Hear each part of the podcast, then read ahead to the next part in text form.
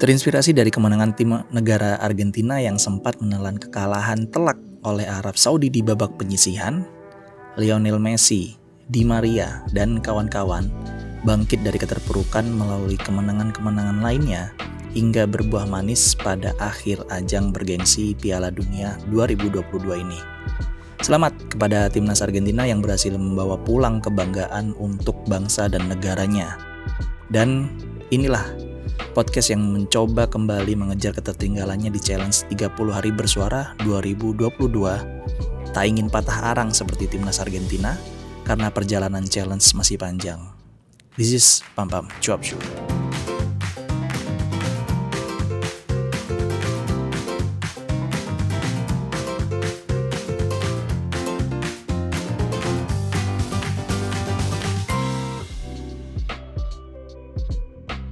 Welcome back, welcome back.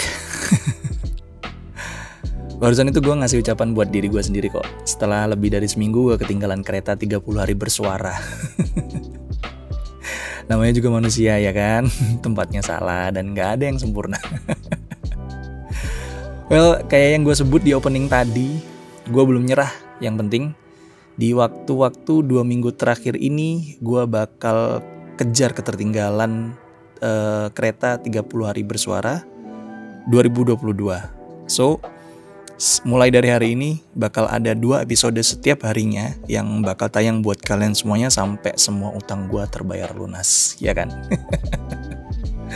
utang di bawah mati ya kan masa gua ntar kudu tetap bikin rekaman buat podcast di liang kubur bisa jadi podcast horor sih itu baiklah tanpa berbasa basi lagi Topik episode kali ini ada kaitannya dengan opening gue barusan. Nggak, gue bukan pengen bikin kalian yang ngedukung Prancis tadi malam jadi sedih lagi. Setelah semalam harus tunduk oleh Argentina di adu penalti dan akhirnya kalah. Uh, nggak kalah sih sebenarnya, mereka juara dua. nggak nggak nggak tenang aja. Gue bukan penggemar bola, jadi nggak perlu kepikiran kayak gitu ya gue cuman pengen uh, pengen ngambil point of view sebagai penonton awam sepak bola yang secara nggak sengaja tahu tentang eksklusivitas aturan penggunaan nama brand World Cup atau Piala Dunia di dunia penyiaran yang menurut gua bertolak belakang banget nih sama semua ilmu tentang promosi sebuah brand ataupun uh, sebuah merek Mungkin karena nama World Cup atau Piala Dunia tuh nggak punya kompetitor dan satu-satunya brand penyelenggara ajang kompetisi sepak bola dengan skala global ya. So, I think promotion is not necessary lah. nah, itulah enaknya jadi eksklusif. Jadi bisa bikin aturan main, bukan ngikutin aturan. Dan gue menemukan sebuah komponen penting juga buat kita di season 3 kali ini kayak yang udah berkali-kali gue bilang di season 3 Pambung Cuap Show ini gue mau ngajak kalian menguak sebuah rahasia besar di balik jargon be yourself lewat komponen-komponen penting di tiap episodenya. Dan juga karena episode kali ini masih dalam rangkaian challenge 30 hari bersuara persembahan komunitas The Podcasters Indonesia yang kebetulan topik untuk hari ini tanggal 19 Desember adalah eksklusif gue bakal ngegabungin topik tersebut dengan komponen yang udah gue siapin juga karena eksklusif juga nggak bisa lepas dari persoalan etika kayak yang udah gue tulis di judul episode kali ini.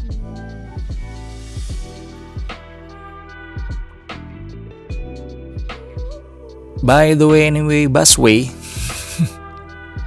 Tawan banget umur gue. Gue pengen tahu juga nih seberapa banyak sih dari kalian yang udah tahu atau bahkan pernah dengar soal aturan penggunaan nama World Cup atau Piala Dunia. Kalian bisa isi survei kecil yang gue sediain di halaman episode ini. Kalau mungkin kalian dengerinnya dengerin Pam Pam Cuap Show lewat platform selain Spotify, kalian bisa leave a comment below ya. Di tiap episodenya pasti ada uh, comment section uh, to be honest gue juga sebenarnya baru banget sadar dan uh, baru tahu banget kalau ternyata nama World Cup itu udah dipatenin sebagai nama brand oleh FIFA.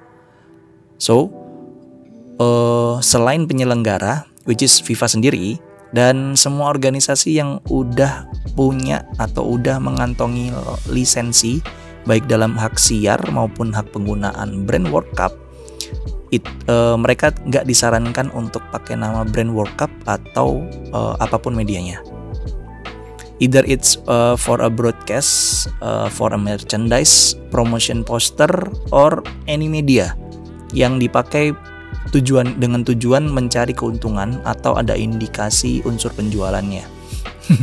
Ribet ya.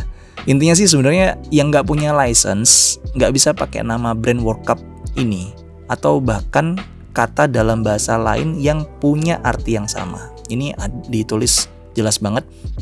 Kalau kalian mau cari di Google uh, tentang aturan penggunaan nama World Cup ya dari website resmi si FIFA sih jelas banget ya peraturannya ya.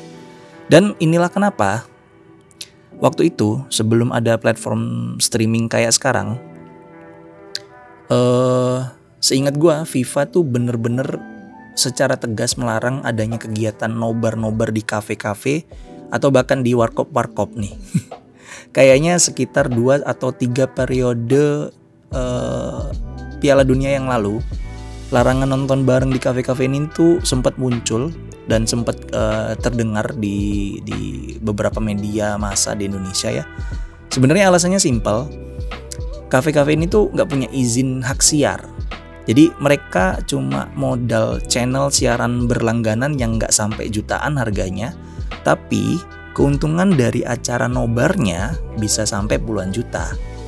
FIFA dirugikan sebenarnya nggak secara langsung, maka dari itu, dibikinlah regulasi soal eksklusivitas nama brand World Cup ini bersamaan dengan aturan-aturan lain yang lainnya. Terus gimana nih sama kita-kita yang emang nggak mampu buat langganan berbayar uh, atau langganan pakai platform streaming-streaming yang udah ada yang memang sudah ngantongin izin hak siar atau juga mungkin nggak mampu buat nonton kompetisi bergengsi yang diadain tiap empat tahun sekali ini secara langsung di negaranya di negara mana pun itu. Kayak yang dilakukan sama kebanyakan public figure kita well at least kita sebenarnya masih bisa tetap nonton secara gratis either itu sendiri-sendiri ataupun bareng keluarga kecil kita di rumah lewat televisi yang udah punya uh, uh, izin hak siarnya. Yang penting sebenarnya adalah kita jadi penonton bola yang beretika. Ngomongin soal etika juga, ini lagi marak banget nih kasus yang terjadi di industri seni beberapa waktu yang lalu.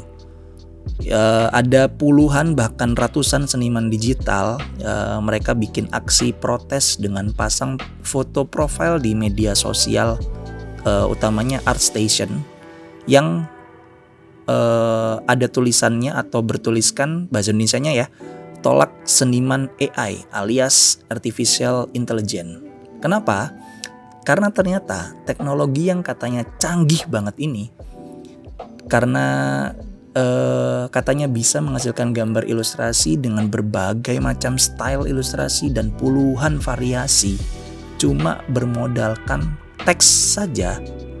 Ternyata teknologinya memakai database dari ribuan hasil karya ilustrasi digital yang pernah diupload ke berbagai media sosial oleh para pelaku atau para seniman digital sebagai portofolionya.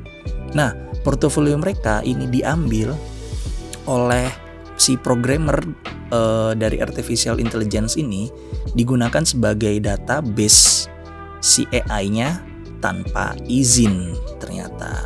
Nih, ini poin pentingnya nih. Kalau uh, kalau kalian nggak paham sama isu yang barusan gue bacain di atas, uh, gini gini gini, gue kasih analogi sedikit ya. Di isu yang barusan gue uh, terangin, analoginya tuh kayak misalnya lo punya bekal makan siang nih ya kan? Lo bawa bekal either itu ke kantor atau ke kampus atau ke sekolah lo dari rumah gitu kan? Nah buat makan siang niatannya kan gitu saat jam makan siang datang lu udah lapar nih. Terus lu ngambil bekal lu dari dalam tas set gitu kan lu keluarin ya kan? Terus lu buka nih tempat bekalnya. Eh tiba-tiba ada orang yang nggak lu kenal sama sekali main nyelonong aja tiba-tiba ngambil bekal lu terus langsung dimakan sama tuh orang. Nah kira-kira kira-kira nih lo yang kondisinya udah lapar banget di jam makan siang ini ngeliat tuh orang ada nggak rasanya pengen nyeleding kepalanya nih orang? Ya gitu. Sama halnya kayak para artis atau seniman digital ini udah susah-susah nyari ide makan waktu juga buat bikin karyanya. Eh dilalah. Kok karyanya dipakai buat database AI untuk bikin karya seni digital lainnya yang pastinya bisa dikomersilkan juga. Ya ngamuk lah.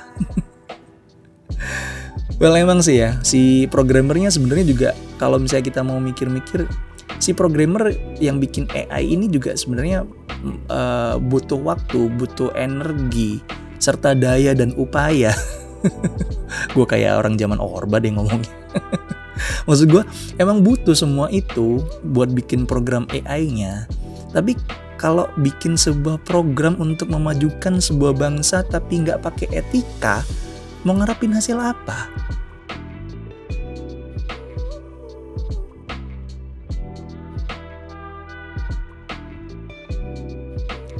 Well intinya sih sebenarnya poin penting yang pengen gue sampein di episode kali ini tuh uh, gimana soal lu punya etika? Even lu pengen jadi diri lu sendiri. Karena kalau misalnya lu jadi jadi diri lu sendiri tanpa beretika ya gue rasa sih mungkin mungkin mungkin orang sekitar lu bakalan fine fine aja gitu. Ya mungkin bakalan nganggep minimal lu cuman dianggap ya emang anaknya kayak begitulah udah nggak bisa dibilangin gitu. Atau maksimalnya ya orang-orang nggak akan punya rasa hormat sama lo. Sejago apa pun lo seeksklusif apa pun diri lo. So uh, etik is uh, more important menurut gue ya. Karena pada dasarnya kita nggak bisa jadi siapa-siapa kita nggak akan bisa jadi orang yang uh, dipandang atau punya karya yang besar kalau kita nggak punya etika. Segitu aja sih sebenarnya yang pengen gue sampaikan di episode kali ini. Dan jangan lupa juga uh, seperti yang udah gue janjiin juga di awal episode kali ini bahwa malam ini atau hari ini gue juga akan hmm, rilis satu episode lagi untuk mengejar ketertinggalan gue di challenge 30 hari bersuara 2022. So, jangan lupa follow dan klik lonceng yang ada di profile podcast ini di mana pun platform kalian mendengarkan.